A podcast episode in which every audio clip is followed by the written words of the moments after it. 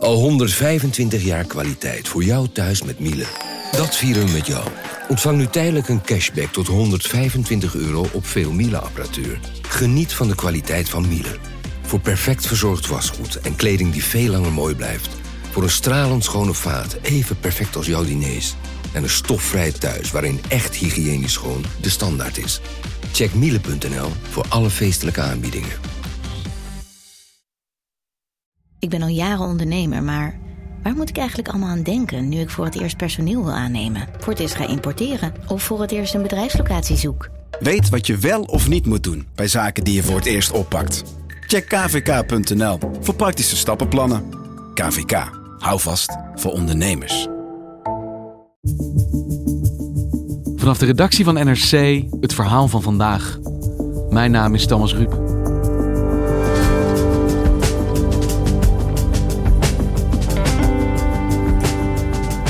Twee jaar geleden deed NRC-columnist Clarice Gargard aangifte tegen mensen die racistische en bedreigende berichten plaatsten op haar Facebook. Het Openbaar Ministerie nam de zaak hoog op. Vandaag is de laatste zittingsdag in het strafproces. Maar door een serie blunders, ziet juridisch commentator Volkert Jensma, is de aandacht verschoven van de inhoud naar het Openbaar Ministerie zelf.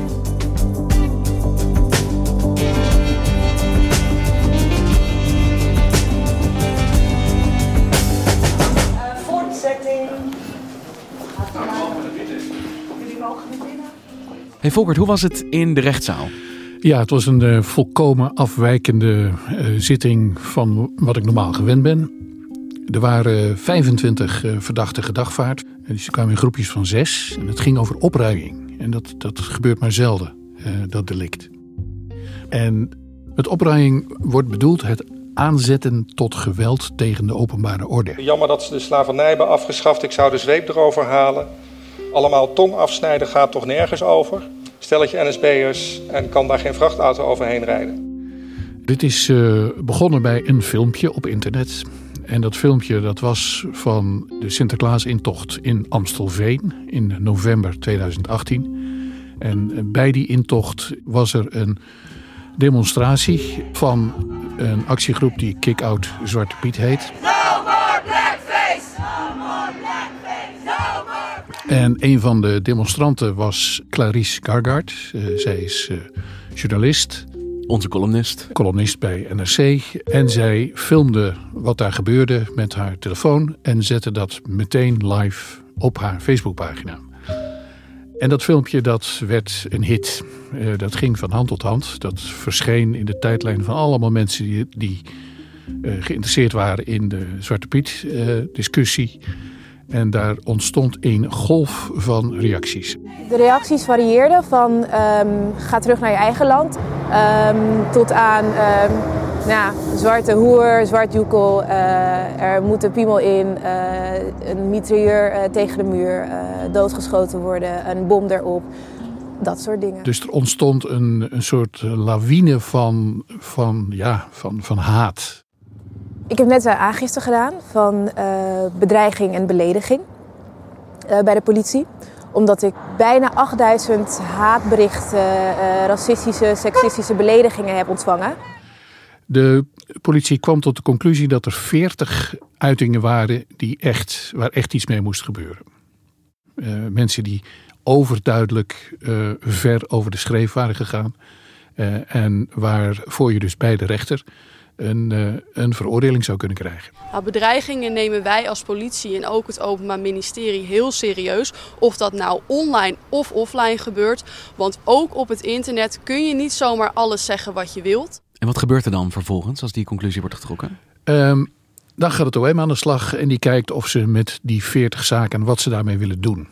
Een aantal daarvan hebben ze bij nader inzien toch maar geseponeerd, als misschien te licht. Een aantal mensen hebben een strafbeschikking gekregen, dus dat is een boete. Het komt wel op je strafblad, maar het is geen zaak. Een aantal hebben een CPO gekregen, maar dan onder voorwaarden. Dus dan doet het OM niks, maar spreekt met jou af. Jij doet de komende jaren uh, op dit vlak, uh, mag je geen enkele fout maken. En als je dat wel doet, dan herleeft deze zaak en dan vervolgen we je alsnog. Mm. En dan bleven er 25 open, waarvan het Openbaar Ministerie vond, nou die moeten echt in het openbaar beide strafrechters eh, in een, in een zitting worden beoordeeld. Daar eisen we een straf tegen. En op die manier laten we zien aan Nederland wat er echt niet mag op dit vlak. En dat zijn de 25 die nu terecht staan. Ja, En hoe verloopt die zaak vanaf daar, vanaf het moment dat dus tot vervolging wordt besloten?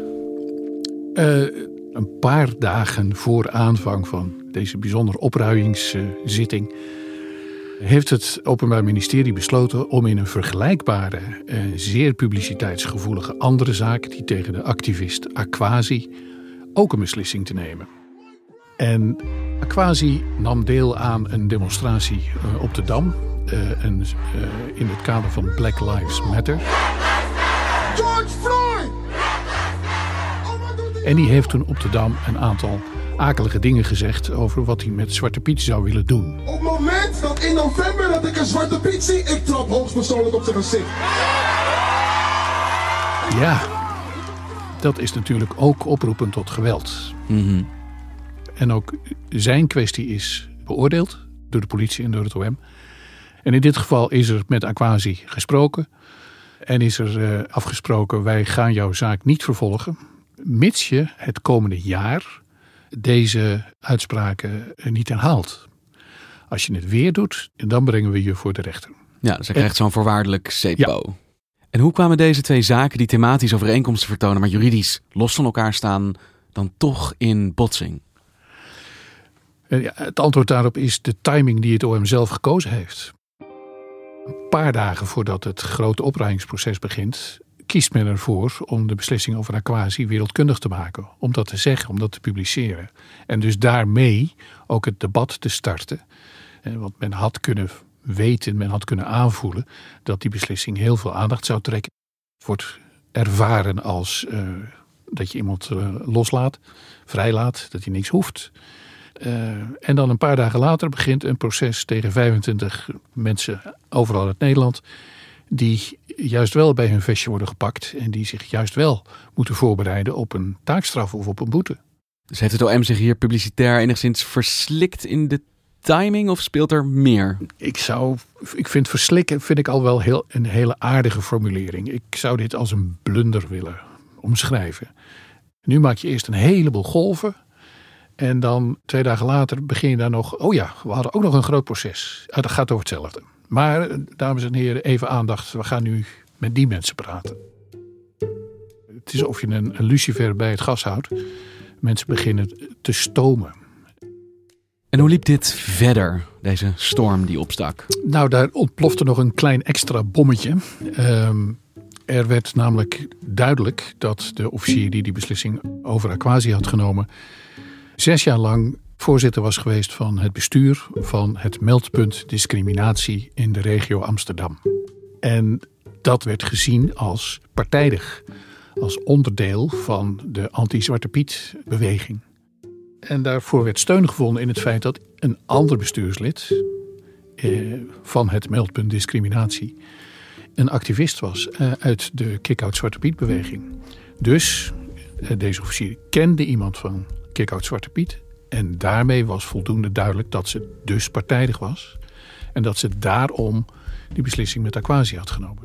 Dat was het verwijt. Dat was het verwijt. En dat kreeg een enorme vlucht. Want de officier die de beslissing had genomen in de zaak Aquasi is dezelfde als degene die nu 25 verdachten in het grote opruimingsproces zou vervolgen. Precies. De ophef uh, in sociale media was zo groot dat het Openbaar Ministerie zich gedwongen voelde om iets te doen. En notabene op zondagavond heeft de hoofdofficier besloten om de officier van justitie van die grote zaak af te halen. Nee, uh, ze deed niets verkeerd, maar ja, we hebben haar wel van een zaak gehaald. Met die verklaring besloot het Openbaar Ministerie een officier van justitie niet langer een lopende antidiscriminatiezaak te laten leiden. Het was ter elfder uur. De zaak diende vandaag. De beslissing kwam gisteravond. Nou, dat, dat heb ik nog nooit meegemaakt. Dat er echt een half etmaal voor een grote zaak waar twee jaar aan is gewerkt, de officier wordt vervangen. Dan, ja, dat is, dat is paniekvoetbal. En vanwege ophef in de ene zaak werd ze van de andere zaak afgehaald. Ja. Beslissing om deze officier vandaag niet op zitting te laten zijn is echt uh, alleen maar geweest om de aandacht bij de zaak te houden en niet bij de persoon van de officier. En uh, als er andere conclusies aan worden uh, verbonden, is dat buitengewoon spijtig. Maar de aandacht moet gaan naar de zaak en naar de ernst van de feiten die vandaag ook zijn behandeld en ook de rest van de week worden behandeld. En Volkert, jij bent naast juridisch verslaggever ook commentator. Jij beoordeelt namens de krant de rechtsgang. Ja. Want hoe kijk jij naar die beslissing om haar als officier van deze andere zaak af te halen? Ja, uh, onbegrijpelijk. Als je achter je officier staat, als je zegt zo'n nevenfunctie heel goed, dan moet je uh, daar ook de consequentie aan verbinden. En zo'n officier ook de volgende zaken laten verdedigen. Maar een officier van justitie die aan de ene kant uh, werkt bij een meldpunt discriminatie en tegelijkertijd ook de vervolging doet in een discriminatiezaak, is er daar geen sprake van belangenverstrengeling? Uh, nee, dat is het niet. Uh, en dat komt door het karakter van het meldpunt discriminatie. Dat is een publieke instelling die voor zijn bestuur en voor zijn toezicht afhankelijk is van mensen uit het veld. De tijd dat rechters, officieren, politiemensen in hun eigen bubbel, in hun eigen toren zaten, dat is beoordeeld als onverstandig. Dat leidt tot wereldvreemdheid. Mensen hoeven niet altijd opgesloten te zitten in die toch vrij geïsoleerde wereld waarin ze moeten functioneren. Dus door de bank genomen bijten die functies elkaar niet. Maar hier zat Jacobin Vreekamp, de officier, ook in een bestuur met iemand die ja, een mede-activist was van de verdachte die zij vervolgde. Ja. Ja, ik begrijp en iedereen begrijpt dat dat om uitleg vraagt. En dat moet je dan ook snel en tijdig en kundig kunnen vertellen. Waarom dat zo is. Je moet daar de mensen ook niet mee verrassen. Het OM is om te beginnen gewend aan eh, controverse, aan conflict. Dat is een kerntaak. Het is niet de eerste keer dat er is eh, een stormpje opsteekt en dat eh, er allerlei vervelende dingen worden gezegd. Maar ja, je bent het gezag. Je geeft aan de normen in Nederland vorm. Je voedt het publiek op. dus dan zou ik zeggen, houd stand. En als je vindt dat het anders moet, dan doe je dat maar een half jaar later. Maar niet op deze manier. Want heeft dit effect op de geloofwaardigheid van het Openbaar Ministerie, denk jij? Nou ja, men eh, heeft zichzelf eh, klassiek in de voet geschoten. Want in plaats van dat het over opruiming ging, waar het overigens ook wel over ging, ging het dus ook over uh, de geloofwaardigheid van het Openbaar Ministerie. Over het personeelsbeleid van het Openbaar Ministerie. Over het vervolgingsbeleid. Ja, die, die hadden daar helemaal niet thuis gehoord. Dat had je dus kunnen voorkomen. En dat is dus door eigen domheid hebben ze dit proces een, een hypotheek gegeven van die aquasiebeslissing. Heel onhandig. En jij bent de afgelopen dagen aanwezig geweest bij het verloop van deze rechtszaak. Wat is het effect geweest van deze controverse, deze serie beslissingen op deze zaak? De beslissing om Aquasi niet te vervolgen en deze 25 mensen wel, is om te beginnen voer voor advocaten. Je kunt betogen dat het OM hier uh, zodanig verschillende beslissingen in gelijke of in verwante zaken heeft genomen dat het onredelijk is om die 25 mensen te vervolgen. Dus dat het OM eigenlijk niet ontvankelijk zou moeten worden verklaard. Er waren toch wel zeker twee of drie advocaten die dat naar voren hebben gebracht. Die zeiden waarom onze cliënten wel en Aquasi niet. Precies. Argument willekeur. Nou, ik schat dat één op de drie verdachten, uh, als die wat gevraagd werd naar hè, waarom heeft u spijt? Of waarom heeft u dat nou eigenlijk gedaan of gezegd? En nu staat u in deze discussie. Toch misschien wel in de tweede of in de derde zin hierover is begonnen. Men voelt zich echt benadeeld. Men voelt zich uh, in, ja, uh, in het ootje genomen. Velen denken dat dit bevestigt wat ze uh, altijd al dachten. Namelijk dat de staat niet deugt en dat men partijdig is en dat anderen, namelijk die mensen die daar staan te protesteren, alles mogen. Sinterklaas in tochten bederven en zo. En akelige dingen zeggen op de dam. Maar wij moeten de rekening betalen. Dat was het overheersende sentiment. Wat is het effect van deze beslissing en de publiciteit eromheen geweest uh, op de aangever in deze zaak? Op Clarice Gargaard, op, ja, dus ontvanger van de discriminatie. Ja, aan haar zou de vraag gesteld kunnen worden, was het het allemaal waard? Uh, nog even los van, van uh, het vonnis, wat uiteindelijk dan de maatschappelijke opbrengst van het proces is. Maar uh, het, het, was een, een chaos, een rommel, een emotionele kermis. En het lijkt mij niet fijn om daar als, als aangever om daar op mee te moeten deinen. En het interessante was verder dat geen enkele verdachte haar kende. Zich ook niet realiseerde dat ze bestond. Ook niet het gevoel had dat ze zich tot haar hadden gericht. Tot de mens? Tot, ja, tot de filmer die dit op Facebook had gezet. Ik heb er helemaal niet bij stilgestaan ja, met een zinnetje op Facebook wat ik daarmee kan aanrichten. Ik was dan kijken en het enige wat ik zag was ja, uh, kinderen huilen, uh, heel verdrietig en noem maar op. In ieder geval, uh, ja, het is niet mijn bedoeling geweest om in ieder geval zo'n hoop ellende mee te veroorzaken. Deze mensen, het is heel, psychologisch heel interessant, die waren alleen met hun eigen reactie, hun eigen gevoelens bezig en dachten het is een filmpje, daar zet ik wat onder. Punt. Ja, ik denk gewoon uh, omdat dat met kinderen te maken heeft. En ik vind iets voor kinderen, daar moet je gewoon niet aankomen. En ik, ja, ik heb gewoon op dat moment gewoon een woede-uitbarsting gehad. En uh, ja, ik schaam me vreselijk voor dat soort dingen wat ik heb geschreven. Dus het was voor hen een, een, een, verrassing dat er achter een Facebook-filmpje ook een persoon schuil kan gaan. Velen hadden ook niet door, of sommigen wisten het volgens mij ook echt niet, anderen veinsden het misschien, dat dat in het publiek was. Dus dat iedereen dat kan lezen. Dat is juist de kern van opruiming, dat je anderen oproept om dat ook te gaan doen. En velen dachten van ja, maar ik heb dat filmpje van een vriend op mijn tijdlijn gekregen, dus alleen mijn vrienden lezen dat. En die zijn het met me eens en die weten trouwens toch wel wat ze serieus moeten nemen voor mij en wat niet. Want jij zegt, het Openbaar Ministerie heeft deze zaak groots ingestoken. Ook om eens een signaal uit te zenden, paal en perk te stellen aan de haat die maar gedeeld wordt. Ja. In hoeverre heeft deze serie beslissingen van het OM en ook toch de blunders die jij zo noemt, die symboolfunctie beschadigd? Heeft deze zaak nog wel het effect? Kan het dat effect nog wel hebben?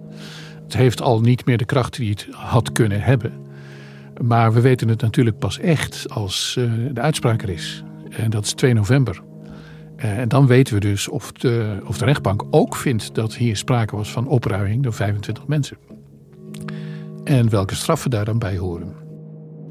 En was dit wel een redelijke beslissing om deze mensen wel te vervolgen? Uh, als de rechter dat straks niet vindt, ja, dan, dan leidt het Openbaar Ministerie een zeer gevoelig verlies. En dan heeft het een investering van twee jaar in een poging om de, de burger op Facebook te maten geeft. Ja, dat gaat dan verloren. En dan is de hele zaak als een plumpunning in elkaar gezakt en dan komt er geen oordeel. Dankjewel, Volkert. Het was me een groot genoegen. Je luisterde naar vandaag, de podcast van NRC. Eén verhaal, elke dag. Dit was vandaag, morgen weer.